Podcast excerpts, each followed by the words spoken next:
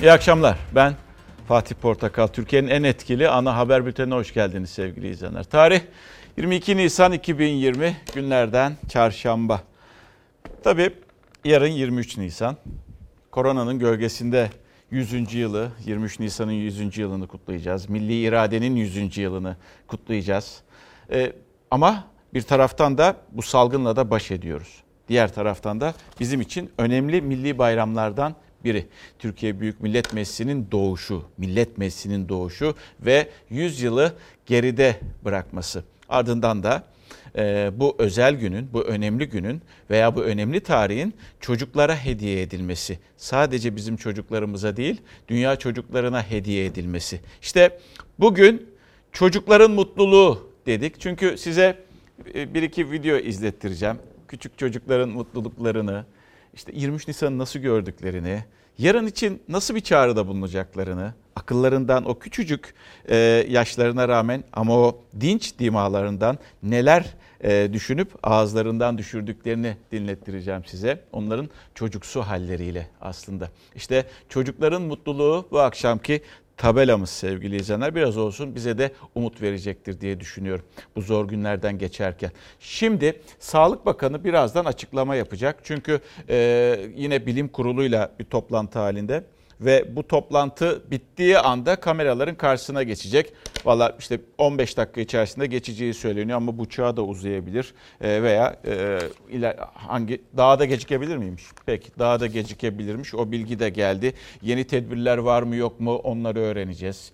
E, bize son verileri paylaşacak bizimle veya başka uygulanması gereken yurttaşlardan istedikleri bir şeyler varsa onları da duyuracağız sizlere.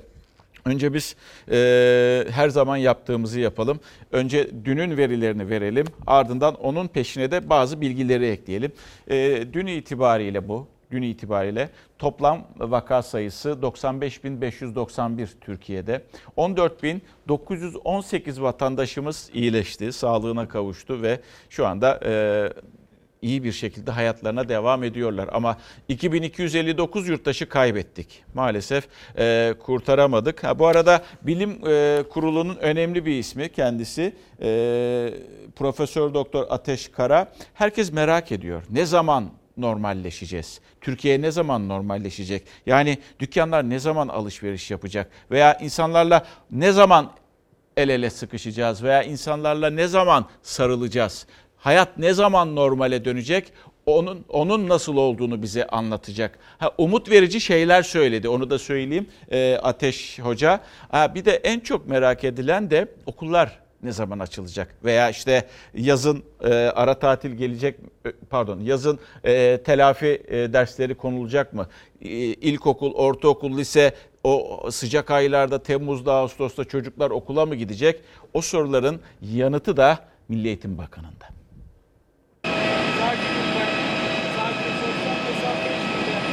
Amacımız önlemleri en titiz şekilde uygulayarak salgının seyrini ülkemizi Ramazan bayram sonrası normale dönüşüne imkan sağlayacak seviyeye indirmiş olmaktır. Cumhurbaşkanı Erdoğan Ramazan bayramı sonrası için umutlu konuşmuştu. En çok merak edilen soruysa Milli Eğitim Bakanı Ziya Selçuk'a soruldu. Selçuk NTV yayınında okulların açılması için bir sonraki eğitim öğretim döneminin başı olan Eylül'ü işaret etti. Ancak net bir tarih vermekten kaçındı. Virüsün tehlikesi ortadan kalktığı için önümüzdeki hafta açılacak desek biz buna hazırız. Efendim 30 Nisan'dan sonra olsa biz buna hazırız. Biz Temmuz ve Ağustos'u işin açığı hani çok düşünmüyoruz, çok planlamıyoruz. Bizim öncesinde ve sonrasındaki dönemlere ilişkin çalışmalarımız daha baskın. Yaz ayları için e, bir planlamamız çok açıkçası yok. Eylül-Ekim daha ağır basıyor gibi okulların açılacağı daha ağır olarak. basıyor. Normal hayata dönüşün nasıl gerçekleşeceğini ise Koronavirüs Bilim Kurulu üyesi Profesör Doktor Ateş Kara CNN Türk'te anlattı. Kara'ya göre kurallara uyulursa Ramazan bayramı ile birlikte hayat kademeli olarak normale dönebilecek. Evde kalalım, evimizde olalım, iftarlarda bireysel kalmaya özen gösterelim. İftarları yani görüntülü aramalarla beraber yapalım. Bu dönemi böyle geçirirsek iki hafta sonrasında rakamlarımız azalır. Bayram bayram sonrasında da biz ciddi anlamda toplum içinde rahatlayacak aktivitelere başlarız diyoruz. Lokantalarımız açılır ama açık alanda 2 metre mesafeyi artırırız. Öyle başlarız. Berberimiz açılır ama deriz ki saatte bir müşteri alacaksın. Bu yaz sosyal mesafenin korunduğu, önlemlerin alındığı bir tatil yapmak da mümkün olabilir. Deniz suyu evet doğru bulaştırmaz. O bakımdan rahat olalım. Havuz suyuyla bulaşma ihtimali yok. Tatil yapılabilir ama aradaki mesafeye en azından bu dönemde dikkat edelim. Yurt dışından turistlerin gelebileceği, futbol maçları ya da basketbol karşılaşmalarının yeniden oynanabileceği günlerse iyimser bir tabloda ancak bir ay sonra gündeme gelebilir. Futbol maçı da olsa, basketbol maçı da olsa kişiler çok iç içe, çok yakın hale geliyorlar. O nedenle de seyirciler o kadar kalabalık geldiğinde ne olabilir? Sporcular birbirleriyle bu kadar yakın hale geldiklerinde birbirlerine bulaştırma olabilir mi? Evet doğru, rahatlayacağız. Ama Eylül'de, Ekim'de böyle büyük bir salgın olasılığını da düşünerek planlarımızı yaparak hazırlıklı gitmemiz lazım. Tüm bunların gerçekleşebilmesi için kurallara sıkı sıkıya uyulması, vaka ve can kaybı sayısının azalması gerekiyor. Yani hayatın ne zaman normale döneceğini bu tablolar belirleyecek. Şimdilik tablo evde kalın diyor. Türkiye'nin koronavirüse karşı verdiği mücadelede bir günde 4611 daha yeni vaka tespit edildi. Toplam vaka sayısı 95.591'e yükseldi. Tedavi görenlerin 1865'i yoğun bakımda, 1006'sı ise solunum cihazına bağlı. 24 saatte 119 kişinin daha hayatını kaybetmesiyle toplam vefat sayısı 2259'a çıktı. Veriler bize şunu söylüyor. Ümitsiz olma, rehavete kapılma. Unutmayalım ki bu ikisi virüsten daha tehlikeli. Tedbirlere ısrarla uymaya devam edelim. Temas, mesafe, izolasyon. Sağlık Bakanı da tedbir vurgusu yaptı ve iyileşen hastaların sayısını açıkladı. Toplam 14.918 hasta koronavirüsü yendi. Bu arada yine aklınızda bulunsun. Yani e, Ateş Hoca söylüyor ama bakın hayat tam normalleşmeyecek. Yani biz her şeye uymak zorundayız yine. Ne diyor? Lokantalar arası işte 1 metre 2 metre. Berber dükkanında bir, bir tane müşteri alacak. Ondan sonra orada kimse olmayacak. Ondan sonra bir saat sonra alacak. Tabii bunlar e, hayatın nasıl değişeceğini hem sosyal anlamda hem ekonomik anlamda hayatın nasıl değişeceğinin önümüzdeki günlerde nasıl olacağının bize ufak tefek e, ipuçlarını veriyor.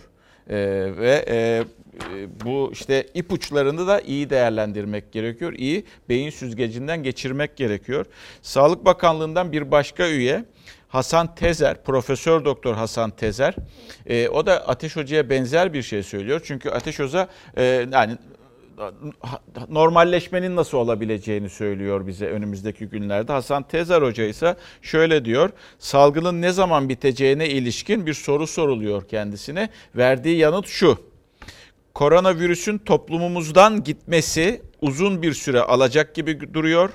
Bu yıl bu da yıl sonuna kadar sürecek gibi. Yani düşününüz normalleşme var. Evet hayat normal akışına girecek ama bunun toplumumuzdan gitmesi, bertaraf edilmesi 2020'nin sonunu bulacağını söylüyor hoca. Ee, şimdi bir bilgi daha önemli. Serhat Ünal vardı. Bilim Kurulu üyesi Profesör Doktor rahatsızlanmıştı koronadan. Bunun ilk havadisini de haberini de e, Sağlık Bakanı vermişti. E, o da e, sağlığına kavuştu. Bir e, diyorlar ki hocaya ne nasıl bir şey bu koronavirüs? Bize bir cümleyle anlatabilir misiniz? O da şöyle diyor. Daha önce çok grip oldum ama bu hastalık griple mukayese edilemez. Edilemez diyor kendisi. Ve işte bakın e, Ramazan da dini bayram e, dini süreç sonucunda Ramazan bayramı ama Ramazan sürecine giriyoruz. Ramazan sürecinde de kısıtlamalar olacak. Neden kısıtlamalar olacak? Çünkü işte koronavirüs gölgesi düşüyor ona da maalesef. Bir genelge yayınlandı. E, Ramazan boyunca nelere e, dikkat edilmesi gerekiyor? Yurttaşlar neler yapması gerekiyor? Nelerin yapmaması, neleri yapmaması gerekiyor e, yönünde yine bir genelgeydi bu. Toplu sahur ve iftar yasak.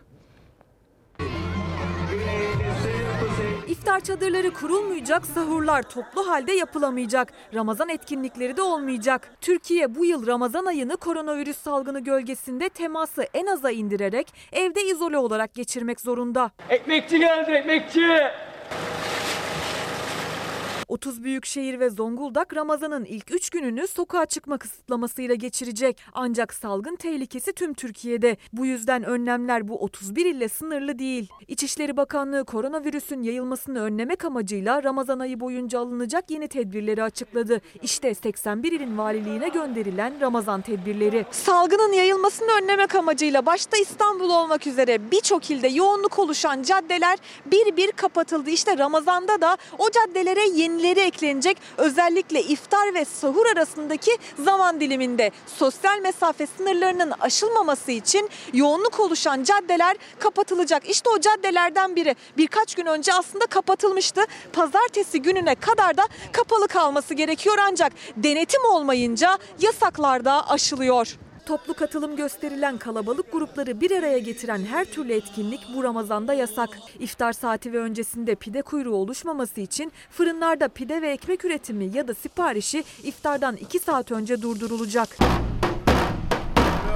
Ramazan davulcularının bahşiş almak için kapı kapı evleri gezmesine de izin verilmeyecek. Ücretleri yerel yönetimler tarafından karşılanacak. Ramazan ayı boyunca türbe ziyaretleri kısıtlanacak. Her yıl Ramazan ayının ilk günü ilk orucunu açmak isteyenlerin akınına uğrayan Fatih'te bulunan Oruç Baba Türbesi de ziyarete kapatıldı. İşte türbenin girişine geçici süreyle ziyarete kapatılmıştır. Yazılı bu uyarı asıldı. Aynı zamanda türbenin bütün girişleri işte bu şekilde demir bariyerlerle kapatıldı. Yine tedbir amaçlı türbenin çevresinde zabıta ve polis nöbet tutacak. Ramazan ayı boyunca mezarlık ziyaretleri de daha kontrollü şekilde yapılacak. Mezarlıklara giriş çıkışlar ayrı ayrı planlanacak. Sosyal mesafe kuralı ve maske kullanımı kontrol altında tutulacak. Arife ve bayram günlerinde ziyaretçilerin ateşi ölçülecek.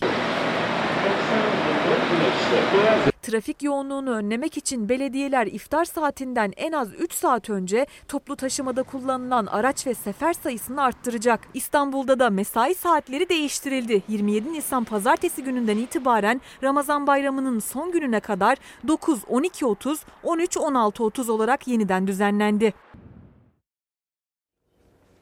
Şimdi bakın korona o kadar hayatımızı etkiliyor ki bu Ramazanlar mesela çok önemliydi.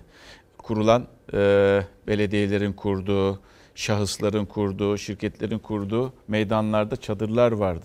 O çadırlarda vatandaşlara e, iftar verilirdi ki o, o ift ve vatandaşların bir kısmı da sahur içinde e, yanlarında götürürlerdi evlerine. Bir yardımlaşmaydı, bir e, bütünleşmeydi, bir e, ahlaki olarak da ahlaki olarak da bir e, manevi hazdı. Şimdi koronadan dolayı bunlar da bunları da gerçekleştiremiyoruz. Yani neden? Çünkü o e, fiziksel mesafenin e, yakınlaşması veya delinmesi istenmiyor. Çünkü her an için sıkıntı yaşanabilir. Bakın onu hiç unutmuyorum. Bu, bu bülteni sunarken bazı cümleler kafama giriyor ve o benle birlikte yaşıyor. Mesela bundan 3 gün önce bu hafta içerisinde bir e, bilim kurulu üyesinin hala da hassas noktadayız, kırılgan noktadayız, dikkat etmek zorundayız. Virüs Evet var ama biz kendimizi izole edersek e, bu e, rahatsızlıktan, hastalıktan toplumu, bireyi ve toplumu koruyabiliriz. O hassas ve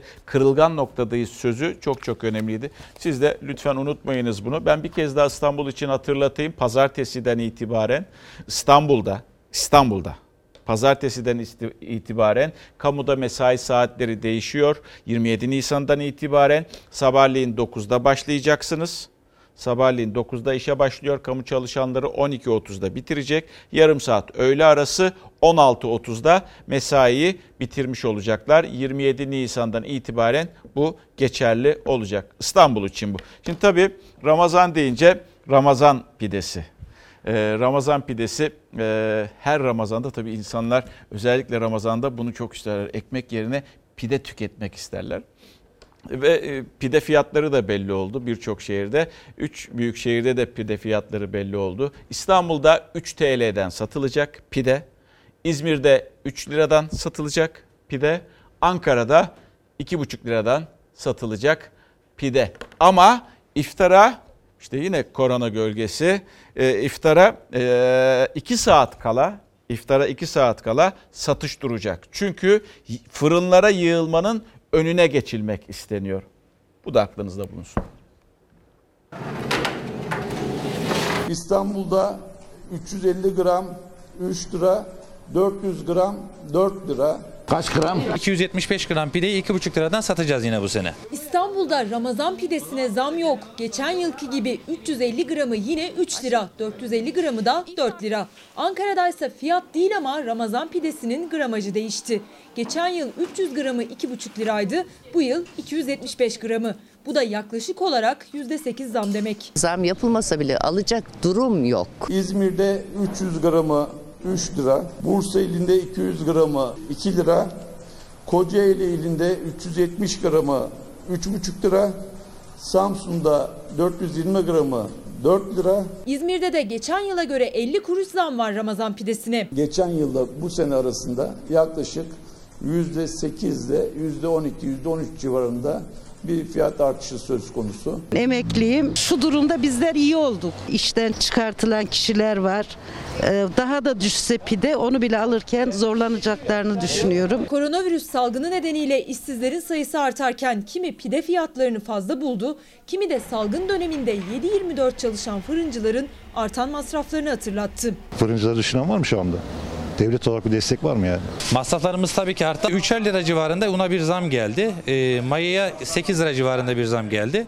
Elektrik ve e, doğalgaz ona herkese yine arttı ama e, pideye veya ekmeğe zam yapma gibi bir lüksümüz yok şu an için. Alan var, alamayan var. Herkesin durumu belli. Esnaf kepek kapatmış durumda. Ankaralı fırıncılar fiyat arttırmamak için gramajı düşürdü. Mega kent İstanbul'da ise koronalı günlerde fiyat sabit kaldı. Teşekkür ediyoruz yani artırmamışlar. Gün dayanışma günü. Pide fiyatları kadar salgın günlerindeki Ramazan'da dikkat çeken bir başka konu da fırınlardaki pide kuyrukları. Ramazan'da pide kuyruğu olacağı için ona da çok dikkat etmemiz gerekiyor. İftar sofralarının vazgeçilmezi Ramazan pideleri. Bu pideleri sıcak sıcak sofraya yetiştirebilmek için geçtiğimiz yıllarda fırınların önünde uzun uzun kuyruklar olmasına alışkınız aslında. Ama bu Ramazan sağlık için fırınların önünde kalabalıkların oluşmaması gerekiyor. Bu yüzden İçişleri Bakanlığı bazı tedbirler aldı. İçişleri Bakanlığı genelgesine göre fırın önlerinde sosyal mesafe kuralına uyulabilmesi için fırınlarda ekmek ve pide üretimi iftara 2 saat kala bitecek.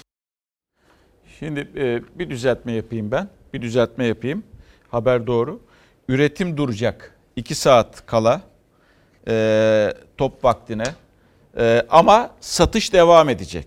Top vaktine 2 saat iftar zamanına vaktine 2 saat kala üretim duracak ama satış devam edecek. Aklınızda bulunsun. E, bu akşam dedik ki çocukların mutluluğu e, tabela çünkü yarın 23 Nisan. Ve e, yarın bizim de özel bir yayınımız var. Saat 7'de bir başlayacağız. 9'a kadar birlikte olacağız sizlerle birlikte. Onu İstiklal Marşı'nı da birlikte söyleyeceğiz. Her yerde söylenecek. Biz de söyleyeceğiz. Ondan sonra da e, habere noktayı koyacağız. Ama yarından bahsediyorum. Ha, bugün de çocuklardan çok mesajlar geliyordu. İşte tabelayı da zaten o şekilde bulduk. Çocukların mutluluğu diye. Mesela Poyraz göndermiş. Annesi gönderiyor da diyor ki e, Poyraz'mış ismi. E, daha güzel 23 Nisan'ı kutlamamız dileğiyle demiş. İnşallah önümüzdeki yıllarda düşünsenize 100 yıl 100 yıl önce kurulmuş bir meclisten bahsediyoruz. Türkiye Büyük Millet Meclisi'nden bahsediyoruz. Umarım daha uzun yıllar, 100 yıllar gider. Ve e, bir başka e, vatandaş da çocukların mutluluğu deyip şöyle diyor. Çocuklar ancak demokrasi, eşitlik, adalet ve özgürlük ortamında büyürlerse mutlu olur diye bir mesaj geldi. Ve e, ge- gece yarısı, bu gece yarısı yasak başlıyor. Sokağa çıkma yasağı başlıyor. Ve bizim iyiliğimiz için bu. Bunun nedeni ne? Çünkü insanlar arasındaki bu fiziksel mesafeyi daha kısa mesafede tutmak, bu insanlar arasındaki haşır neşirliği engellemek. Ve bugünden itibaren, daha doğrusu gece yarısından itibaren işte Perşembe, Cuma, Cumartesi, Pazar sokağa çıkma yasağı var. Çok enteresan bir psikoloji. Yani millet belki aç kalacağını mı düşünüyor acaba veya başka hangi veya bu süre uzatılır diye mi düşünüyor? Pazartesiden sonra da ansızın bir uzatma olabilir mi düşünüyor bilmiyorum ama şu karşıda görmüş olduğunuz manzara İstanbul'daki hal, hal yolu. Hal yolu çok kalabalıktı dün gece. Saat 12'de hale geldi. Tıktım tıktım. Araba girmiyor. Valla birkaç parça sebze eksiğimiz vardı. Onu aldık. Hale giriş yapamadık. Arabayı dışarı koyduk. Malları tek tek taşıdık. Sokağa çıkma yasağının başlamasına 24 saat kala İstanbul Bayrampaşa sebze halinden çekildi bu görüntüler. Hal önünde araç kuyruğu, içinde insan kalabalığı vardı. Sadece pazar esnafı değil, sebze meyvesini toptan almak isteyenler de yoğunluk oluşturdu halde. Ramazan ve sokağa çıkma yasağının öncesinde İstanbullu yine mutfak alışverişi için sokağa çıktı. Balırma bal bal. Vay Maşallah maşallah. Ramazan alışverişi. Evet evet Ramazan alışverişi. Peynir aldım, yağ aldım, bir de sucuk, bir de hurma aldım. Peynir, çerez, aklına ne gelirse onlardan almaya çalıştık. Stok mu yapacaksınız? Yok ben ne o kadar da aç kalmadık da. Bir şey olmaz idare edecek şekilde ya. Maskeniz de çok havalı. Ben de havalıyım. Peki. 23 Nisan Ulusal Egemenlik ve Çocuk Bayramı'nın bir gün sonrası Ramazan'ın ilk günü ve o günde sokağa çıkma yasağı var. Marketler belirli sürelerde hizmet verecek ama alışverişini şimdiden yapmak isteyenler sokakta. İstanbul'da Ramazan alışverişinin adreslerinden Eminönü'de yoğun. Hatta ara sokaklarda sosyal mesafe kuralına uymak pek de mümkün görünmüyor. Fazla ileriye gitmeyeceğim. Şu 2-3 yerden alıp çıkacağım vallahi. Hoş geldiniz. Hayırlı işler. Sağ ol, teşekkürler. Nasıl gidiyor? Çok şükür güzel gidiyor ama müşteri yok. Yok koronavirüs var çünkü. Ondan dolayı yok işte. Yoksa Kalabalık gördük. karabalık var ama alan yok. Valla fazla insanlar var gördüğüm kadarıyla. Kendinizi Otobüsle gelirken de otobüsler de yine yoğun, bazı, bay- bayağı yoğundu.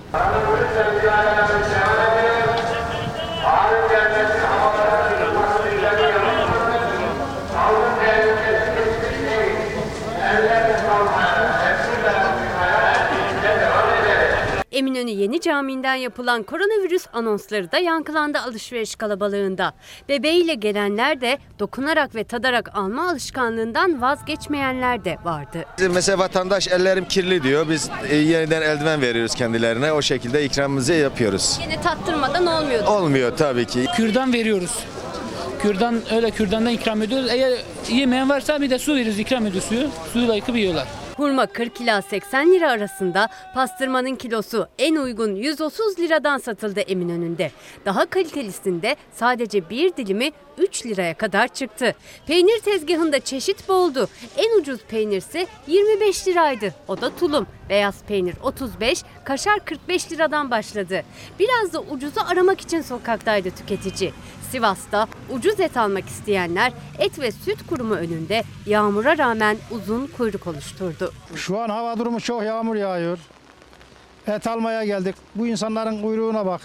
Yasak öncesi kurulan semt pazarları da kalabalıktı. Sokağa çıkma yasağı içinde kalan ilk 3 günlük Ramazan sofrasının ihtiyaçları alındı. Aynı yoğunluk hatta fazlası marketlerde de vardı. Kasa önlerinden başlayan, metrelerce uzayan market sepetiyle sosyal mesafenin ayarlanmaya çalışıldığı kuyruklar oluştu. Bayağı geriden başlıyor yani. Şimdi bakınız e, şu koronadan beri aşağı yukarı 40-41 gündür veya 42 gündür fiyatlara bakıyorsunuz. Gıda fiyatlarına bakıyorsunuz. Almış başını gitmiş. İşte az önce pastırma örneğini verdik. Hadi pastırma biraz lükse giriyor. Ama domates, biber, muz. Muzun kilosu 17 lira olmuş ya. Elma. Elma dünya para olmuş. 6-7 lira domates. Bakın kasapta et bir arkadaşım söyledi. Antrikot 72 liraymış geçen hafta. Bu hafta almamış geçen hafta. Bu hafta gitmiş antrikot 85 lira olmuş. Yani bir hafta geçiyor. Demiş ki ya bir hafta geçti. O demiş yani ben pahalı alıyorum. Devletin ister istemez işletmede okuduğum için biraz e, üniversitede. Şimdi acaba şöyle diyorum ben. E, tamam bir ekonomi profesörü değilim ama böyle özel durumlarda çok özel bir durum yaşıyoruz ve insanların geliri şu anda yerinde değil.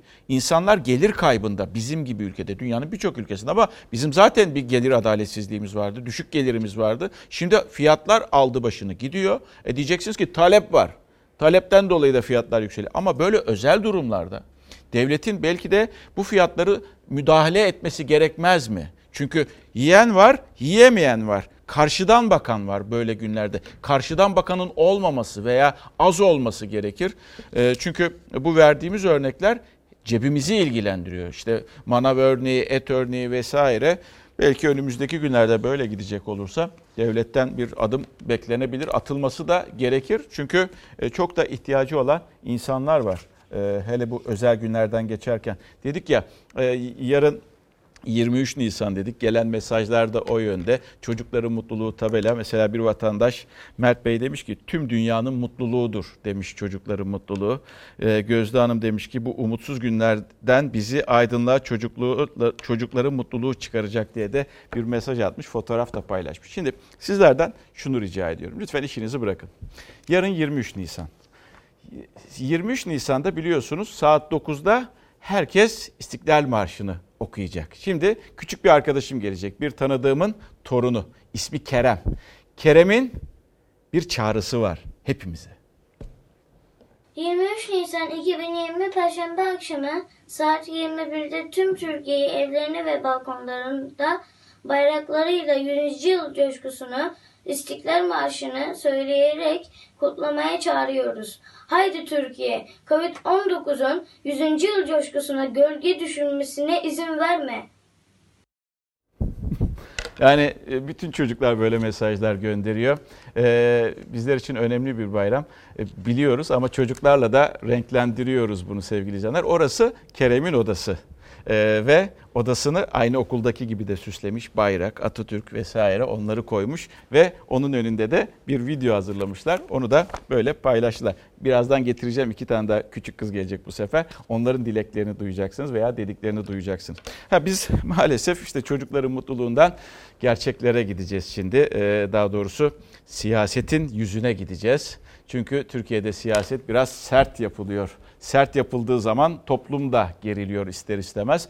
Diyeceksiniz ki gene mi sert siyaset rüzgarları esiyor? Evet yine esmeye başladı. Şimdi e, bu korona virüsünden sonra hastane tartışması başladı. Biliyorsun işte sahra hastaneleri yapılsın yapılmasın ilk başlarda. E, hastaneler yetmeyebilirse tedarikli olalım. E, ve sonrasında e, yeni hastane yeri belirlendi. İki, İstanbul'da iki yer belirlendi. E, bu arada şehir hastanesi açıldı İstanbul'da. Onun bir kısmı yine koronaya ayrıldı. Ve e, işte onun üstünden de bir tartışma var şehir hastaneleri. Ha, bu arada Adana bir sahra hastanesi yapıldı. O mühürlendi. Şimdi e, konuşma sırası CHP e, Genel Başkanı da Kemal Kılıçdaroğlu'ndaydı. Sahra Hastanesi yapmak varken yandaşı zengin ediyorlar dedi. Atatürk Havalimanı'nda yapılan hastaneyi örnek gösterdi. Atatürk Havalimanı'nın binası, morgu var, morgu var, tuvaletleri var, e, havalandırma sistemi var, mescidi var, artı oteli var, artı metrosu var, her şeyi var. Süratli bir şekilde hastaneye dönüşebilir. Süratli bir şekilde yani çok büyük yatırımlar yapmadan. Her şey hazır. Orayı yapmadılar. Niçin? Çünkü yandaşa ihale vermek lazım. O bile istismar ediliyor. O bile yani. Atatürk Havalimanı pistinde süren hastane inşaatına Kılıçdaroğlu istismar dedi. 8 Nisan'da piste ilk kazma vuruldu. Tam iki hafta sonra bugün böyle görüntülendi havadan inşaat çalışması. 45 günde yapımı biteceği Cumhurbaşkanı tarafından açıklanan hastane için ana muhalefet lideri vakit ve nakit kaybı eleştirisi yöneltti. İçim acıyor gerçekten. Ya bu milletten, fakirden, fukaradan, yeni doğmuş çocuktan vergi topluyorsun ya. Ya bu vergiyi nereye Bakın bu hastaneyi verdin. Kaça verdiler bilen var mı? Yok. Yok. Cumhurbaşkanı Erdoğan, Adana Büyükşehir Belediyesi'nin ihtiyaç olabilir diyerek yaptığı Sahra Hastanesi'ni merkezi hükümetin yaptığı şehir hastaneleriyle kıyaslayınca CHP'den yanıt gecikmedi. Güya kendilerince hükümetle yarışa kalktılar. Fuar merkezlerini Sahra Hastanesi diye yutturmaya kalktılar. Sahra hastaneleri hızlı kurulan, hızlı sökülen yerler. Hani biz bir şehir hastanesi, biz tam teşekkül bir hastane kurma iddiasına çıkmadık ki. Olası bir artmada, bir patlamada hazır hale getirelim. İyi niyetli bir girişim. Tartışmanın odağındaki isim Adana Büyükşehir Belediye Başkanı Zeydan Karalar, İsmail Küçükkaya ile Çalar Saat programında konuştu. Ben olsam derim ki ya Zeydan Karalar eline koluna sağlık. Bu bir hastane, Sahra Hastanesi kurmaya çalışır. Ne eksiğim var tamamlayalım. Şov yapmaktır. Özellikle İstanbul, Adana, ve Mersin belediyelerinin sergiledikleri tavrın başka hiçbir izahı yoktur. Şehir hastaneleri yapıyoruz diyorlar. Yapın gayet güzel. Vergi veren sade bir vatandaş olarak bunu kaça yaptın, kaça mal ettin ben bunu öğrenmek istiyorum. Erdoğan kendi cebinden ödeyecekse, kendi servetinden ödeyecekse Doğrudur ben bu soruyu soramam. Benzer bir soru da İstanbul'da 14 gündür yapımı süren pandemi hastanesi için oldu Kılıçdaroğlu'nun. Bakın bu hastaneyi verdin. Kaça verdiler bilen var mı? Yok. Yok. Hava, kara ve yeraltı ulaşımının merkezinde olan Atatürk Havalimanı'nın kullanılmayan birçok boş binası olması nedeniyle pandemi hastanesine dönüştürülmesi fikri ortaya atılmıştı. Bu şekilde hem inşaat süreci bypass edilecek ve ortaya hızla bir hastane çıkacaktı. Ancak pandemi hastanesi pist alanında yeni bir inşaatla yükselmeye başladı. Muhalefetin eleştirileri sürerken bir de soru önergesi geldi. Orada başka bir şey var. Başka bir amaç var. T3'ün yaptığı Teknofest etkinlikleri vardı geçen yıl. Onun hemen arkasında da Etnospor etkinlikleri vardı. Acaba bizim hastane olarak önerdiğimiz terminal binaları bunlara tesis mi edildi? Bir kişiyi davet ettiler. Dediler ki sen gel şuraya bir hastane yap diye. Tabii e, şu arkadaki benzetme dursun. Adana Büyükşehir Belediyesi e, İsmail Küçükkaya'ya sabahleyin bağlanmıştı. Orada söyledi yani ya gel Zeydan iyi yapmışsın, iyi niyetle yola çıkmışsın, eksiğin var mı? Aslında belki de belki de sorulması gereken soru oydu. E, şimdi Fatih Polat bugün köşesinde şöyle diyor. Bu habere geçeceğim ama bu önemli bir e, yazıydı bugün benim açımdan. Son yerel seçimlerde büyük kentleri kaybetmiş olmanın iktidarda yarattığı tedirginlik, gelecekte iktidarı kaybetmeye dair korkuyu da gelecekte iktidarı kaybetmeye dair büyük korkuyu da güncel tutuyor iktidar açısından. Dolayısıyla bu basit bir yardım dalaşması değil. İçinde büyük bir korku ve hırs saklı, hırs saklı olan bir iktidar savaşı diyor Fatih Polat. Bakın bu benzetme yapılmaması gereken hele ki yani cumhurbaşkanıysanız partili cumhurbaşkanıysanız hani partiye atıyorum cumhurbaşkanıysanız FETÖ PKK benzetmesi yapamazsınız. Elinizde bir delil varsa somut ha, o zaman yaparsınız. Verirsiniz savcılara da iş, işlem yapılır. Ama siz biri Sahra Hastanesi yapıyorum diye Adana Belediye Başkanı, diğeri Mersin Belediye Başkanı Vahap Seçer ücretsiz ekmek dağıtıyor diye.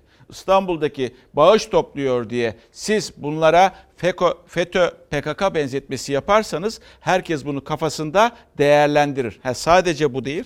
Peki bunun sonrasında ne cevaplar geldi diyeceksiniz. Mesela Ekrem İmamoğlu yardım götürenlere terörist muamelesi yapılamaz dedi. Yardım götürenlere terörist muamelesi yapılamaz dedi. Bir başka Engin Altay'dan da bu son orat buradaki göreceğiniz. O da dedi ki bir an önce çık kastımı aştım de diye Cumhurbaşkanına seslendi. Sorun ekmek dağıtmak değil, izinsiz şekilde yapmaktır. Bu tür teşebbüsler geçmişte FETÖ ve PKK gibi örgütler tarafından da denenmişti. Bu üç belediye başkanımızı terör örgütlerinin liderlerine benzettiğin için bir an önce çık, kastımı aştım de. Tarafımıza yöneltilen bu ağır sözlere anlık yanıt vermeme sebebimiz milletimiz zorluk içindeyken ağız dalaşına girmenin milletin ihtiyacına hiçbir fayda getirmeyeceğini bildiğimizdendir. Yoksa meydan boş değil. Cumhurbaşkanı Erdoğan'ın ulusa sesleniş konuşmasında yardımlar üzerinden CHP'li belediyeler için yaptığı FETÖ PKK benzetmesi siyaseti gerdi. CHP özür beklerken İstanbul Büyükşehir Belediye Başkanı İmamoğlu yardıma devam dedi. Kim ne derse desin kulak asmayın. Bağışlarınızı, zekatınızı, fitrenizi hangi partiden olursa olsun fark etmez. Yaşadığınız yerin belediyesiyle paylaşabilir, ulaştırabilirsiniz. Ne Ekrem İmamoğlu, ne Zeydan Karalar, ne Vahap Seçer, Abdullah Öcalan'la, Fethullah Gülen'le direkt ya da en direkt temas içinde olmadı. Onlarla oturup görüşmedi. Onlara işine geldi mi hendek kazdırıp işine geldi mi devletin kozmik odalarını teslim edip sahalara sürmedi. Bir özür borcun var. Geçmişte Türkiye'nin terör örgütleriyle mücadelesini akamete uğratmak, ekonomisini yıkmak için uğraşmışlardı. Şimdi de alınan tedbirleri sabote etmeye çalışıyorlar. Dünyanın hiçbir ülkesinde millete ekmek dağıtan, gıda kolisi götüren, anayasal görevi gereği hizmet eden belediyelere terör örgütü, başkanlarına terör örgütü lideri muamelesi yapılmaz. Ekrem İmamoğlu paranoyasından, sendromundan da kurtulmalısın. Hizmet edecek. Sen istesen de edecek. Sen istemesen de edecek. Sırf partizanlık yapmak için yaptığım hizmet engelleniyor gibisinden açıklama yapanları da milletimizin vicdanına havale ediyoruz. Cumhurbaşkanının açıklamalarına tepkiler sürerken AK Parti sözcüsü Ömer Çelik de CHP'li belediyeleri partisanlıkla suçladı. Yardım paketleri üzerine parti ya da kişi damgası vurmaya gerek yok dedi. Muhalefet görüntülerle yanıt verdi. AK Parti Serdivan İlçe Teşkilatı'ndan geliyorum. İyiliğin üstüne, vatandaşa götürülen hizmetin üstüne parti damgası vurmaya gerek yok. Kişisel damga vurmaya gerek yok. Cumhurbaşkanımızın kolonya hediyesi vardı. Onu getirdik. Hiçbir belediye başkanımız CHP Genel Başkanı'nın selam var demediler. Cumhuriyet Halk Partisi bayrağı logosu o kollerde yok. Partizanlık yapılıyorsa ki yapılıyor, AK Parti yapıyor. Giriştiklerin bu tür faaliyetlerin amacı halka hizmet vermek değil, şov yapmaktır. Şov yapanları arıyorsan başını gömdüğün kumdan çıkar partine bak. Bir ekmek çetesi var karşımızda. Aklını yitirmiş gibi Cumhuriyet Halk Partisi belediyeleriyle uğraşıyor. Cumhurbaşkanının FETÖ PKK benzetmesi, AK Parti sözcüsünün partizanlık açıklaması, yardım tartışması her geçen gün yeni açıklamalarla büyüyor. Bence artık bitmesi de gerekiyor ve bu konuya Cumhurbaşkanı da girmemesi gerekiyor. Bu konuda da aslında bilmiyorum özür diler mi dilemez mi ama bu benzetme yapılmaması gereken bir somut belge varsa ha yaparsınız. Ama yoksa yapamazsınız. Üçü seçilmiş belediye başkanı, biri Sahra Hastanesi, diğeri bedava ekmek dağıtıyor, diğeri bağış topluyor diye bu insanları bu şekilde yaftalayamazsınız. E, ama insanlar o zaman size geçmişi hatırlatırlar. Derler ki 30 Mart öncesinde işte İmralı'ya giden o sosyolog vardı bir tane. Apar topar çıkartıldı e, televizyonlara seçime 48 saatten az bir süre kala. Daha sonra e, görüştü geldi TRT'ye çıktı değil mi o? TRT'ye çıktı öyle bir şey oldu. Ondan sonra e, Osman e, Osman Öcalan aranan kırmızı bültenle alınan kişi TRT'de çıktı röportajı. Yapmayınız bunları. Yaparsanız millet bunları unutmaz ve aklının bir köşesine yazar. Yaz unutmaz. Kimileriniz ya unutur unutur diyor. Hayır unutmaz. Bunlar unutulacak şeyler değil. Bu zor günlerde insanların desteğe ihtiyacı var. Ne mesajlar geliyor bana bu telefona var ya. İnsanlar ne haldeler. Hepimiz biliyoruz. Siyasilerin de hepsi biliyor. Herkes bir yerinden tutmaya çalışsın işte. Bu kadar basit. Ama işi zorlaştırıyoruz. Geldik.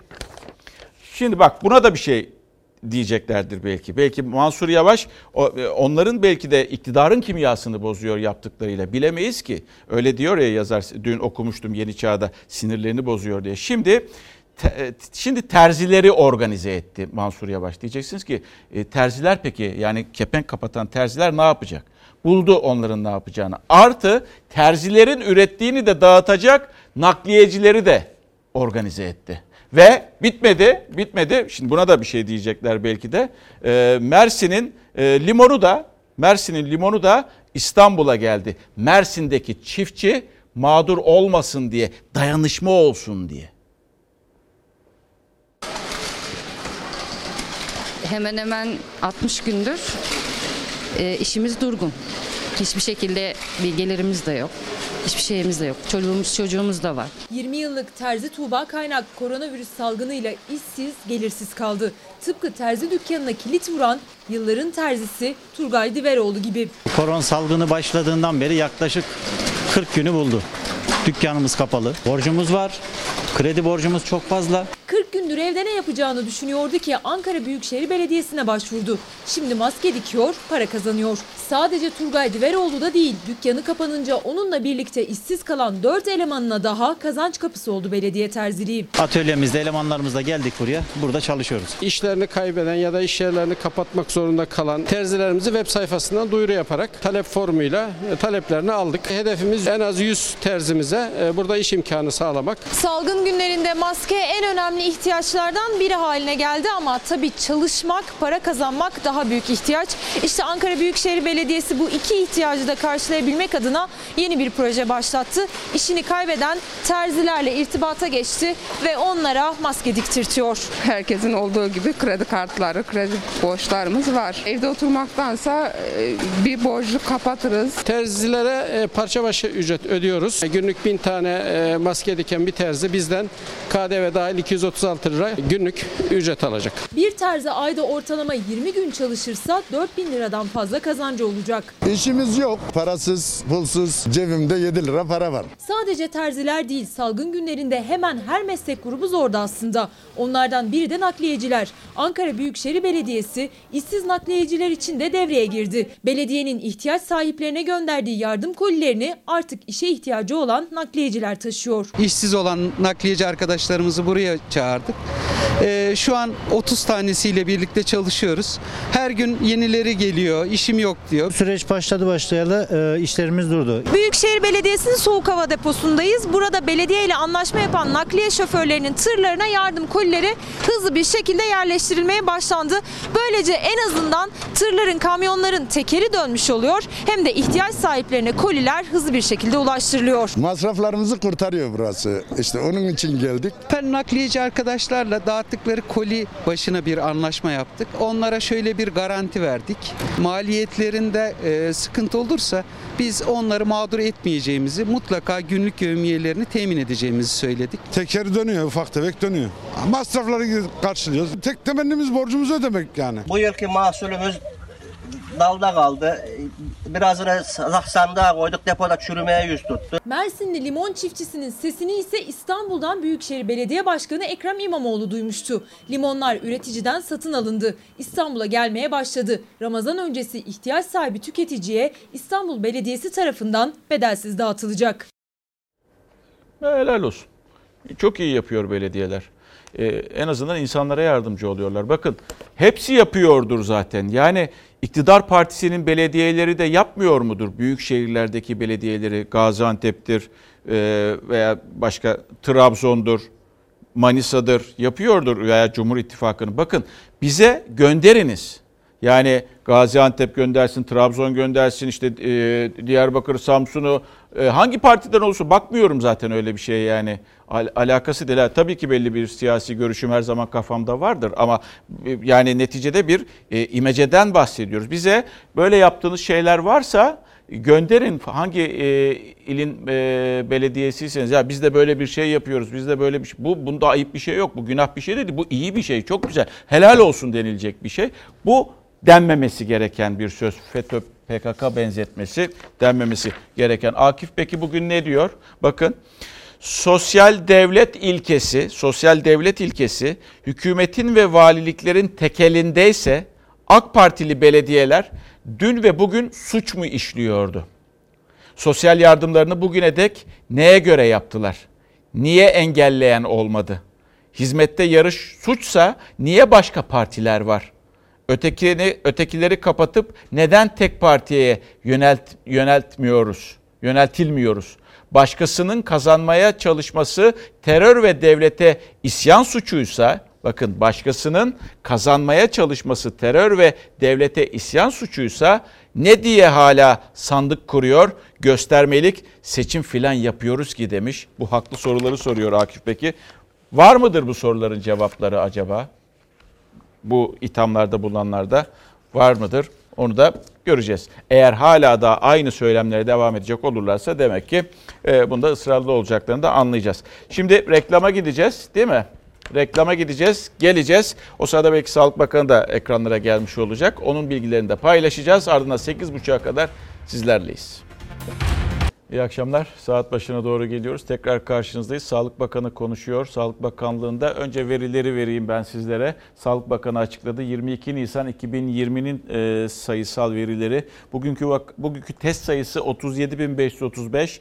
Vaka sayısı dikkat ediniz. Düne göre çok düşmüş. %8'ler civarında.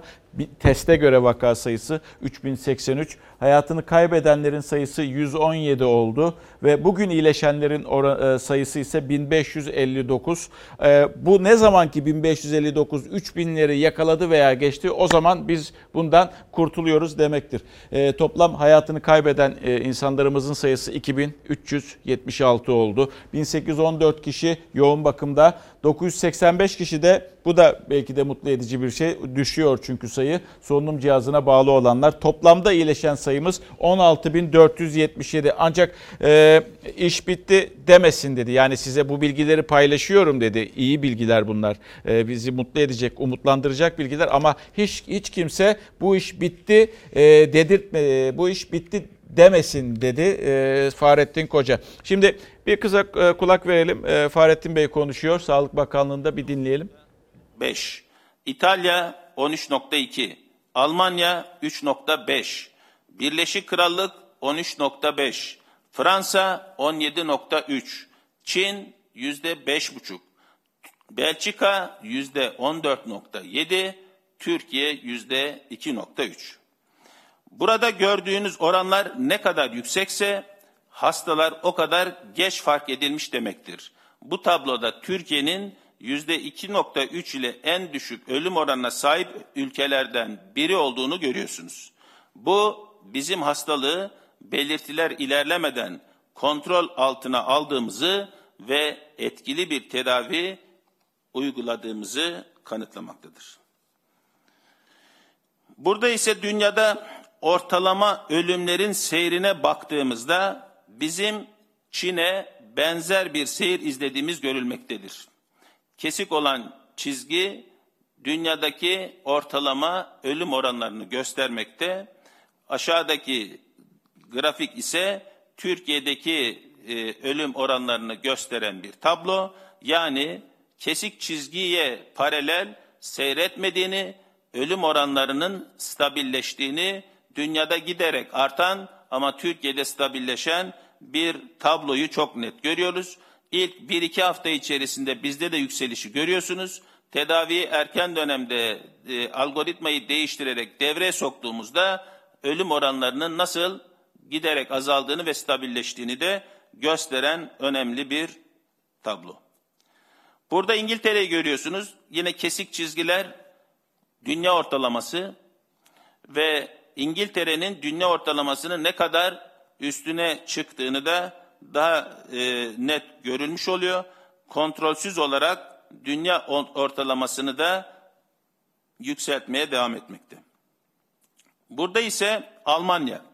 Almanya baştan düşük seyrederken ve giderek son dönemlerde, son haftalarda dünya ortalamasına paralel nasıl seyrettiğini görmüş oluyorsunuz. İtalya, İtalya'da ise dünya ortalamasını yükselten dramatik bir artışa sahip. Sağlık altyapısı çöktüğü için ve yaşlı nüfusu yüksek olduğu için burada vefat oranlarının çok yükseldiğini ve dünya ortalamasını yükselttiğini görmüş oluyoruz. İspanya, İspanya'da İtalya gibi benzer şekilde dünya ortalamasının çok üstüne çıkan ve ortalama yükselten bir e, ölüm grafiği. Sağlık Bakanı konuşuyor, dünyadan bahsediyor sevgili izleyenler. Birazdan soru cevaplara geçecek. Önemli e, sorulara karşı e, cevapları olacak olacak olursa biz de e, sizlere buradan aktaracağım zaten merak etmeyiniz. E, ve ama şu söz önemli, şu söz önemli. Bu iş bitti demesin kimse diyor. Yani bu bilgileri bakın paylaşıyorum. İyiye doğru gidiyoruz verilerden dolayı, sayısal verilerden dolayı aman bu iş bitti demesin. Önümüzdeki günlerin kritik olduğunu zaten herkes söylüyor. Şimdi Avrupa'dan bahsediyordu. Ee, şey e, Sağlık Bakanı oradan bahsediyordu. Şimdi tabii burada e, İtalya, İspanya örneğini verdi. Avrupa'da ve Amerika'da önemli gelişmeler var. Amerika biraz daha sanki önde başladı gibi ama son bilgi İngiltere ve Almanya'dan geldi. İnsanlar üzerinde aşı testlerine başladılar.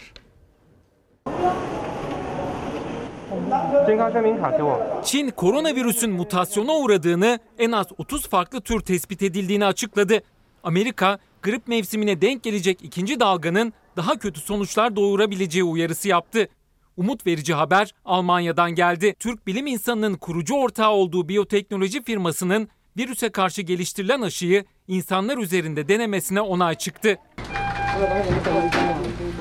Dünyayı etkisi altına alan Covid-19 salgınında bilanço her geçen gün ağırlaşıyor. Hayatını kaybedenlerin sayısı 180 bini geçti. Vaka sayısı 2 milyon 590 bini bulurken iyileşen hasta sayısı 710 bine yaklaştı. Koronavirüse çare arayışı hızlandı. Çin'de bilim insanları virüsün ilk tespit edildiği günden bu yana değişimini mercek altına aldı. Çıkan sonuç endişe vericiydi. Bilim insanları mutasyona uğrayan virüsün en az 30 türe ayrıldığını tespit etti. Bazı türlerin 270 kat hızlı çoğalabildiği ve çok ölümcül olduğu açıklandı. Araştırmaya göre virüsün en ölümcül tipi Avrupa'da görülürken en hafif türler Amerika'da yayıldı. Çinli bilim insanları mutasyonların daha hafif olmasının ölüm riskinin daha düşük olacağı anlamına gelmediğini de söyledi. Salgın konusunda bir uyarı da Amerika'dan geldi. Amerikan Hastalık Kontrol ve Önleme Merkezi Direktörü koronavirüste ikinci dalganın grip mevsimine denk geleceğini hatırlattı. Covid-19 salgınının çok daha kötü geçebileceğini savundu. Artacak vakalarla Amerika'nın sağlık sistemi üzerinde büyük baskı oluşacağını belirtti. Ölü sayısının 45 bini aştığı Amerika'da hemşire isyanı yaşanıyor. Beyaz Saray önünde toplanan hemşireler koruyucu ekipman eksikliğini protesto etti.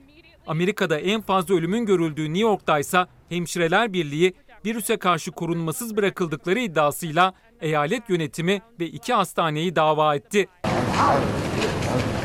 Son 24 saatte 763 kişinin ölmesiyle can kaybının 18 bini aştığı İngiltere'de Sağlık Bakanı salgında tepe noktasına ulaştıklarını açıkladı. İngiliz bakan alınan önlemlerde henüz gevşeme yapılmayacağını söyledi. Aşı çalışmalarının sürdüğü 70'ten fazla ülkeden biri olan İngiltere'den önemli bir adım geldi. Oxford Üniversitesi'nin geliştirdiği koronavirüs aşısının yarın insanlar üzerinde denenmeye başlayacağı açıklandı. Aşı konusunda umut verici bir adım da Almanya'da atıldı. Almanya, Covid-19 aşısının klinik denemelerine başlanacağını ve insanlar üzerinde test edileceğini duyurdu. Testleri Türk bilim insanı Profesör Doktor Uğur Şahin'in kurucu ortağı olduğu biyoteknoloji firması yapacak. Aşı ilk etapta 18 ile 55 yaşları arasında 200 sağlıklı insan üzerinde denenecek. Dünya salgının ne zaman sona ereceğini tartışırken Birleşmiş Milletler'den kıtlık uyarısı geldi. Şu an 135 milyon kişinin açlıkla karşı karşıya olduğu, salgın sonrası bu rakamın ikiye katlanabileceği belirtildi. Ve bu arada onu da söyleyeyim. Ee, sonbahar ve kış aylarına da dikkat etmek gerekiyor. Sonbahar ve kış aylarına da dikkat edelim. Çünkü ikinci dalganın bu şekilde olabileceği mevsimsel olarak tabii e, uzmanlar buna da dikkat etmemiz gerektiğini söylüyorlar. Şimdi az önce e, e, Sağlık Bakanı konuşuyor ya e, ölüm oranlarının düştüğünden bahsetti. Vaka teste, günlük teste göre vaka sayının azaldığından bahsetti. Bize de zaten siyas, e, sayısal istatistikleri paylaştığında veya sayısal verileri e, paylaştığında biz de bunları gördük ve bu iş bitti demeyin dedi. Şimdi e, bu iş bitti dememeliyiz. Ama öyle insanlar var ki, öyle insanlar var ki bütün uyarılara rağmen yani bak tehlike, bakın izolasyon şart, sosyal temas, fiziksel temas yapmayın demenize rağmen onlar bir türlü laftan anlamıyor.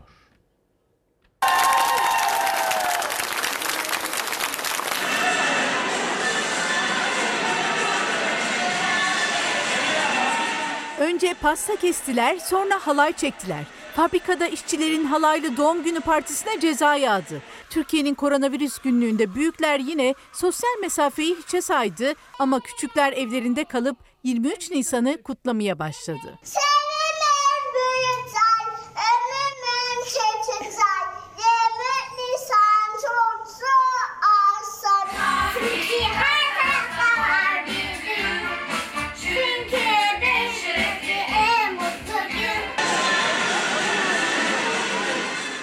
Görüntüler Düzce'de bir tekstil fabrikasında çekildi. İşçiler toplanıp patronlarına doğum günü sürprizi hazırladı.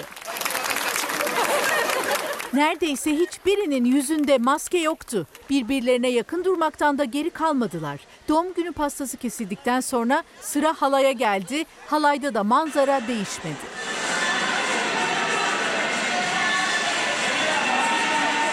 Sosyal medyada paylaşılan görüntüler sonrası jandarma harekete geçti. Partiye katılan 15 kişiye koronavirüs tedbirleri kapsamında 3150'şer lira para cezası kesildi. İstanbul Büyükçekmece'de de Nijeryalı Ebuka Can E yeni doğan çocuğu için villasında parti verince polis baskın düzenledi. O sırada içeride bulunan yabancı uyruklu 46 kişinin her birine 3180 lira para cezası uygulandı. Denetim noktasında vatandaşların seyahat belgelerini kontrol ediyoruz. İstanbul'dan otobüsle yola çıkarak Van'a gelen 22 kişinin ise seyahat belgeleri sahte çıktı. İstanbul otogarında bazı firmalar hem biletini satıp hem de sahte belge düzenleyerek vatandaşları göndermektedir. Şu ana kadar bugün 22 tane ilimizi gelen sahte belgeli vatandaş gördük. 4 günlük kısıtlama öncesinde sokaklar koronavirüs öncesini aratmadı. Ramazan alışverişi yapmak isteyenler çarşıya, halk pazarlarına akın etti.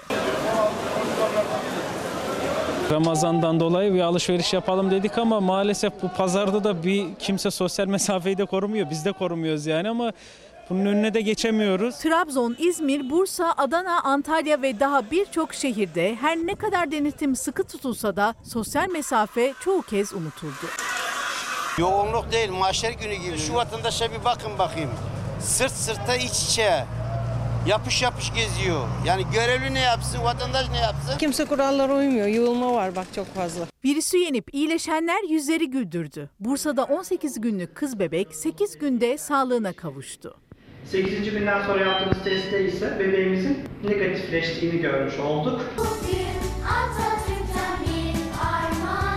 Ve Türkiye Cumhuriyeti'nin kurucusu Ulu Önder Atatürk'ün bayram hediye ettiği çocuklar 23 Nisan coşkusu erken başladı. Birçok şehirde sokaklar, binalar Türk bayraklarıyla donatıldı.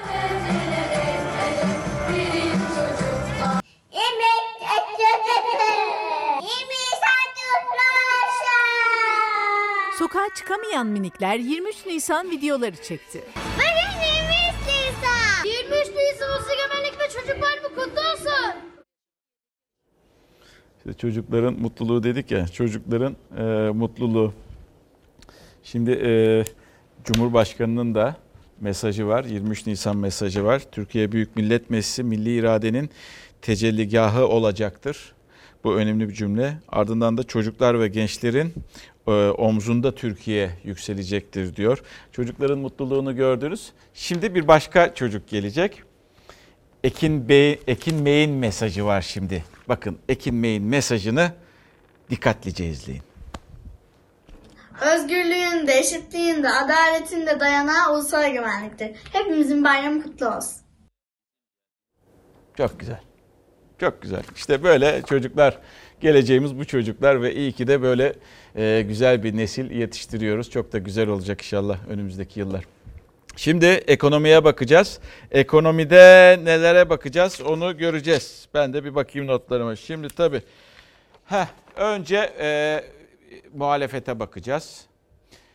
Veli, e, Veli Ağbaba dedi ki 18 milyon açlık sınırıyla karşı karşıya. Bu kimi ilgilendiriyor? Berat Albayrak. Bakın diyeceksiniz ki ya hep muhalefeti veriyorsunuz. İşte muhalefette olanlar, iktidarda olanlar konuşsalar onları da vereceğiz. Yani konuşan Yok. Dünden bir Ömer Çelik konuştu. Bugün e, Çalışma Bakanı konuştu. Hanımefendi e, Zümrüt Selçuk.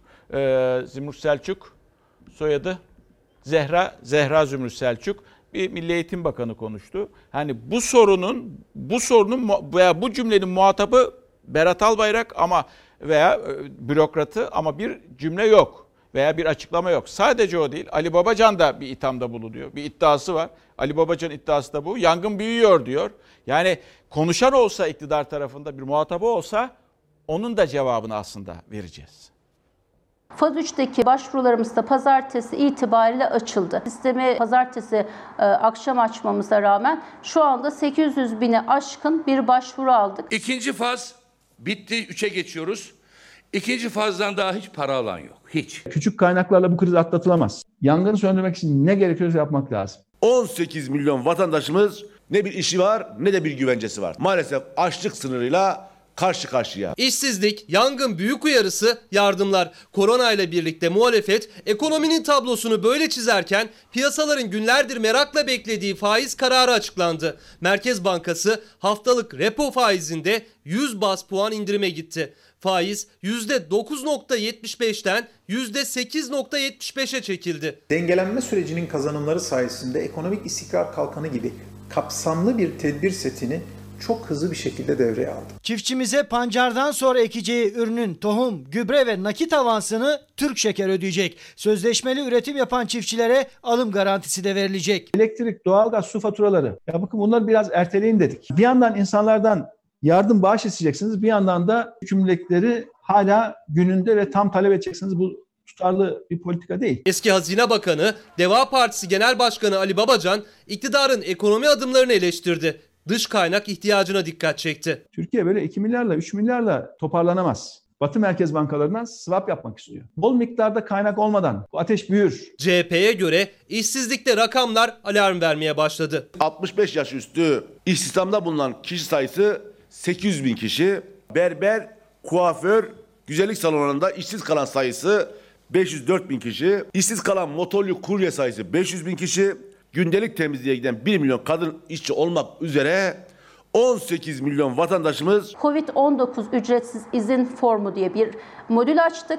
SGK'da işverenlerimiz bu sistem üzerinden ücretsiz izinleri de bildirecekler. Biz de e, çalışanlarımıza bildirdikleri çalışanlarımıza günlük 39 liralık e, bir nakdi ücret desteği sağlamış olacağız. Bir yanda virüsle bir yanda ekonomiyle mücadele artık gündemin ilk sırasında. Düşünebiliyor musunuz? Ee, Sayın Bakan söylüyor 48 saatte 800 bin kişi başvurdu. Bu e, talebe e, yönelik 3. faz diyoruz. Talebe yönelik bir başvuru 48 saatte 800 bin kişi başvurdu. Şimdi Sayın Bakan'ın bunlara cevap vermesi gerekiyor. Yani Ali Babacan eski AK Partili e, şimdi yeni bir parti kurdu. AKP'nin politikalarına, ekonomi politikalarına yön veren önemli isimlerden biriydi. Şimdi yangın büyüyor mu büyümüyor mu? Bu sorunun cevabını duymak isterim ben Berat Albayrak'tan, e, Maliye Bakanı'ndan. Diğer CHP'li yetkilinin bir iddiası var. O da diyor ki 18 milyon açlık sınırıyla karşı karşıya. Bu iddia doğru mudur, değil midir? E, bunu verileriyle çürütmesi gerekir. Ve bu açıklamalar yani tünelin sonunda ışık var vesaire şudur budur. Hayır. Bunlara bu gerçek sözlere mesela Türkiye'nin dış e, e, maddi dış maddi güce ihtiyacı ne kadardır? Var mıdır, yok mudur? E, o e, dışarıdan nakdi parayı nasıl bulacaksınız? Ben bunları duymak istiyorum ve bu soruların cevaplarını almak istiyorum aslına bakacak olursanız e, Berat Albayrak'tan. Herkes e, bunu duymak istiyor. Bakın yangın büyüyor cümlesi önemli bir cümle ve iktidarın buna cevap vermesi gerekir. Varsa bir cevabı çünkü e, ürpertiyor insanların içini ekonomik anlamda. Berat Albayrak'ın ama öyle değil. Öyle tünelin ışığında ışık var şöyle ışık böyle ışık hayır. E, rakamlarla net nedir kafasından geçen ve bizimle paylaşabileceği onu öğrenmek istiyoruz. İşte piyasanın dili net. Bakın bu kadar netlikte e, piyasa konuşuyor. 6.99 bugün 7'ye geldi döndü onun altında kaldı. Önümüzdeki günler gösterecek ne olacağını. Euro 7.57, çeyrekte 600 633 lira oldu. Bu arada benzin ve motorin 5 liranın altında. Ya bu iyi haber. Dünyada petrol fiyatları dip e, noktasında. Türkiye'de de bugün gelecek indirimden sonra, gece yarısından sonra e, tabii yani şimdiden alabilirsiniz ama 23.59'dan sonra alamayacaksınız onu söyleyeyim. E, motorin ve benzin 5 TL'nin benzin 5 TL'nin altına gelecek ki bu da e, önemli bir gelişmeydi. Yıllar evvel herhalde bir, bir buçuk iki sene olmuştur 5 TL'yi geçti ki 6'yı bile geçmişti değil mi? 6'yı öyle bir şeyler de oldu herhalde. Ve geldik e, sendikalar ne yapıyor? 1 Mayıs'ta ne olacak? Ona bir e, göz atalım. 1 Mayıs'ta yaklaşıyor. Biliyorsunuz emeğin bayramı. Şimdi e, işte e, Türk Mühendis ve Mimar Odaları Birliği, KESK, DİSK, Türk Tabipleri Birliği 1 Mayıs katliamını unutturmayacaklarını bugün ortak bir basın açıklamasıyla duyurdular. İşte Taksim, işte 1 Mayıs.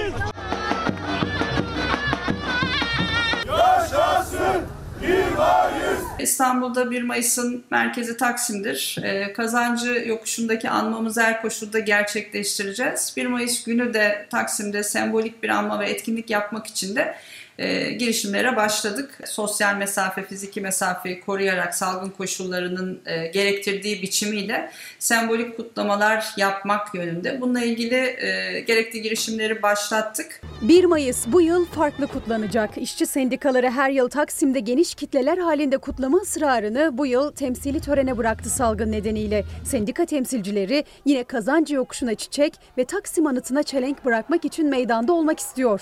İşçiler ise sosyal medya üzerinden kutlamalarını yapacak. Bu yıl 1 Mayıs'ın yine teması işsizlik ama salgın nedeniyle artan işsizlik daha da ön planda olacak. İktidar bu ağır koşullarda Yaşamda kalmaya çalışan halkın sağlığını, işini ve geçimini güvence altına almazken bir avuç patronun bir dediğini iki etmiyor. Disk, KESK, TUMOP ve Türk Tabipler Birliği 4 günlük sokağa çıkma yasağı öncesinde ortak bir basın toplantısıyla duyurdu 1 Mayıs planlarını. 4 günlük yasağın ardından bir hafta boyunca emek haftası ilan ettikleri 1 Mayıs haftasında sosyal medya üzerinden duyurulacak işçilerin talepleri. Tarihte ilk kez 1 Mayıs'ta dünya işçi sınıfı büyük kitleler halinde kentlerin merkezi meydanlarında buluşamayacak. 1 Mayıs günü bulunduğumuz her yerden, balkonlardan, pencerelerden 1 Mayıs marşını okuyacak, pankartlarımızı asacak, balonlarımızı uçuracak ve yeni bir toplumsal düzen için aynı anda tüm Türkiye'den ses vereceğiz. Sosyal medya araçları üzerinden yayınlanacak 1 Mayıs mitinglerinde buluşacağız. Bu yıl 1 Mayıs'ta salgın nedeniyle işsizliğin artışı ve gelirsizlik konuşulacak. Çalışmak zorunda olanların da iş güvenliği tartışılacak. Bu düzen salgına karşı işçileri, emekçileri, yoksulları ve ezilenlerin sağlığını, işini ve geçimini koruyamadı. Aksine sermayenin ve patronların çıkarları için akıl, bilim ve milyonların sağlığı yok sayıldı. Zorunlu işlerde çalışan hekimlerin, sağlık ve belediye çalışanlarının, PTT ve kargo çalışanlarının sesine ve taleplerine kulak verilmiyor. Marketlerden inşaatlara, fabrikalardan madenlere üretim zorlaması can alıyor. Evde çalışmaya başlayan emekçiler için mesai hiç bitmiyor, 24 saate yayılıyor. Çocukların ve aile büyüklerinin evde kalmasıyla kadınların omuzlarındaki yük artıyor. Evde şiddet haberleri giderek daha fazla ağırlaşıyor. Önümüzdeki günlerde iş güvenliği ve işsizlik kavramlarını daha da fazla konuşacağız. Yangın büyüyor sözüne e, bu, bu iddiasına Berat Albayrak'ın veya iktidardaki yetkin bir kişinin cevap vermesi gerekiyor. Yani böyle bir itham varsa diğer taraftan biri de 18 milyon işsizlikten bahsediyorsa e, veya e, böyle bir e, sayıdan bahsediyorsa e, Ekonomi ve Maliye Bakanı da çıkıp içimizi dindirmesi gerekir. İbrahim Kahveci bugün köşesinde şehir hastaneleri çok konuşuluyor ya. Bakın şöyle bir e, cümlesi var. 19 şehir hastanesinin hazine garantisi 95 milyar dolar. 95 milyar dolar 19 şehir hastanesinin hazine garantisi. Dün demiş İbrahim Kahveci bir profesörden alıyor. Dün Profesör Doktor Uğur Emek'in hesaplarından öğrendim ki toplam 31 şehir hastanesinin hazine garantisi de 142 milyar dolar. Rakam ise rakamla da yazmış bir de 140, 142 milyar doları. Yani TL karşılığı 992 milyar lira. Şehir hastanelerinin hazine garantisinin artık 1 trilyon liraya ulaştığını söyleyebiliriz. Kimse şehir hastanesine karşı değil. Yapılış şekline karşı. Yani orada yap işlet yönet ve 25 yıl boyunca oralara kira öde büyük paralar, hazine garantisi bunlar ve bunların cebi, bunların parası bizim cebimizden çıkacak. Şimdi yine yine sizi, yine sizi, yine sizi e, evet güzel bir video ile buluşturacağım. Ilgaz Emek gelecek ama Ilgaz Emek daha küçük, biraz daha küçük. Onun tatlı şirin yüzünü göreceksiniz ve onun o minicik kafasından, minicik beyninden dudaklara düşen kelimeleri duyacaksınız 23 Nisan'la ilgili. Atatürk benim kahramanım. Hepimizin bu güzel bayramı kutlu olsun. İşte böyle mesajlar var. Ee, Atatürk benim kahramanım diyor. Atatürk bizim kahramanımız. Atatürk bizim Türkiye Cumhuriyeti'nin kahramanı. O ve onun gibi e, bu yolda şehit düşmüş tüm e, büyüklerimize de minnet borcumuzu bugün, yarın, her gün bayramlarda değil her gün e, sunmamız gerekiyor ki bu cumhuriyeti bu topraklarda bu topraklarda yaşadığı yaşayabildiğimiz kadar özgürce yaşattıkları için bizlere sağ olsunlar, var olsunlar. Ve e, infaz diyeceğiz. İnfaz yazısı hala daha ne konuşuluyor diyeceksiniz. Tamam yasalaştı. 90 küsür bin kişinin çıkması bekleniyordu ama ana muhalefetin iddiası 100'ün üzeri 100 binin üzerinde kişinin tahliye edildiği yönünde ve CHP dediğini yaptı. AYM'ye başvurdu.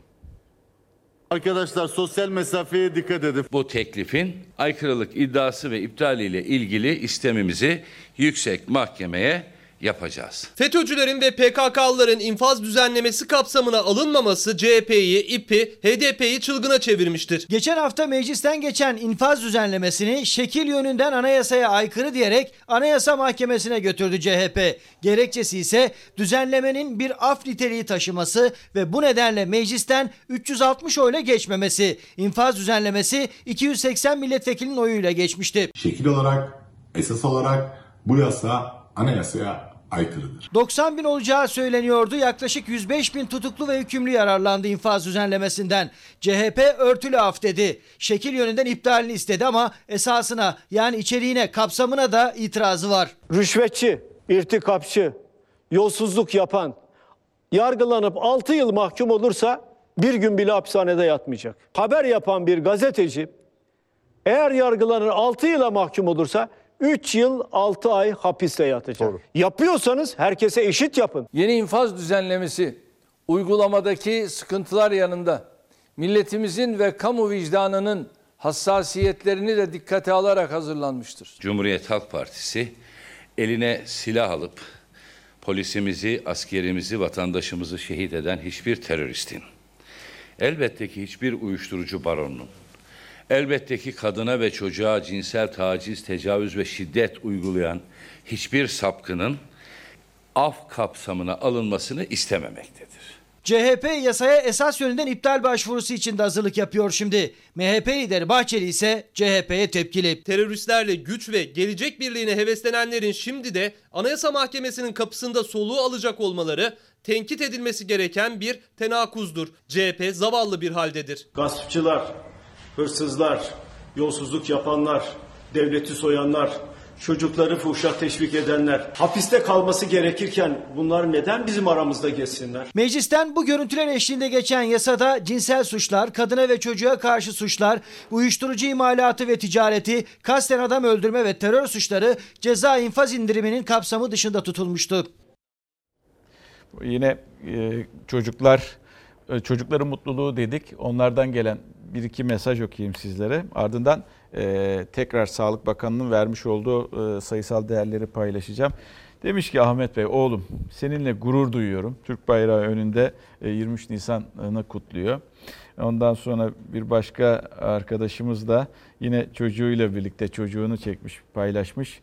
Yüzyıllarca yaşa 23 Nisan demiş. Böyle de bir paylaşım gerçekleştirmiş. Sağlık Bakanı e, saat 8'e çeyrek kala gibi kameraların karşısına geçti ve e, dediği en önemli şey bakın ben iyi bilgileri sizinle paylaşıyorum ama lütfen gevşetmeyiniz dedi. Tedbiri elden bırakmayınız dedi. Ardından sayısal e, bugün yaşanan sayısal verileri paylaştı. Karşılaştırmalı yapıyorum ki en azından tablonun daha iyiye gittiğini o sözün sağlaması olarak ekrana getiriyorum. Dün mesela 40 bin, 39 bin 429 test yapılmıştı. Test vardı 4611'di. Bakınız bugünkü orana 37 bin test yapılmış. 37 bin 535. 3083 vaka sayısı. Bunun azalması çok önemli bir şey bizim için, toplum için. Hayatını kaybedenler 119'du. Dün itibariyle bugün hayatını kaybeden yurttaşlarımızın sayısı maalesef ki 117 ama daha iyi bir tesellisi en azından daha az olması. Bugün iyileşen dün 1488'di. Bugün iyileşen yurttaşların sayısı 1559. Aslında bir de genele de bakmak gerekiyor. Genel itibariyle toplam vaka sayımız 95 bin artık 100 bine yaklaşıyoruz. Ee, ve 2259 vefat var Türkiye'de. Ee, 1865 e, toplam e, yoğun bakımdaki insan sayımız. Ama en önemlisi de 14.918 o da toplam iyileşen sayımız sevgili izleyenler. Salgın e, kontrolümüz altında dedi Sağlık Bakanı. Önemli bilgilerdi bunlar.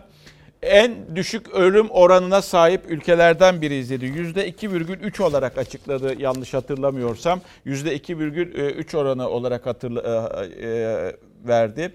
Ve Ramazan'a da yine dem vurdu. Ramazan sohbetlerinde de bu yıl yapmayalım. Seneye yapalım çünkü kalabalık iftarları yapmayalım. Çünkü neden? Daha daha e, atlatamadık, daha yenemedik. Bozmayalım, bu uygulamaları bozmayalım ama iyi gidiyoruz dedi. Ama iyi gidiyoruz derken bir ama daha ekledi. O da neydi? Tedbiri elden bırakmayalım e, cümlesiydi sevgili izleyenler. Evet, ee, yarın uzun bir yayınımız olacak. Onu da bir hatırlatayım size. Saat 7'de başlayacak, başlayacağız. 9'a kadar sizlerle 2 saatlik bir yayınımız olacak. 23 Nisan'da sevgili izleyenler can- canlı yayında var. Canlı yayınlar da var. Onlar da ekrana gelecek. Böyle güzel videolar da paylaşacağız ara ara. Ee, küçüklerden, çocuklardan. Ama önce yarın da daha çok var. Bülteni herhalde bir reklam vereceğiz değil mi? Reklam. Kapatıyoruz. Türk sineması var. Bizden sonra valla sadece ismi için bile seyredilebilir yani ilk başta. Enteresan bir ismi var gene bu filmin. Aşkımızın son tekmesi. Televizyonda ilk defa değil mi? Televizyonda ilk defa aşkımızın son tekmesi. Nasıl bir film acaba çok merak ediyorum valla. Peki kapatıyoruz. Yarın daha mutlu, daha huzurlu, daha güvenli bir dünya ve tabii ki Türkiye'de buluşmak umuduyla. Aşkımızın son tekmesi. Enteresanmış. Hoşçakalın.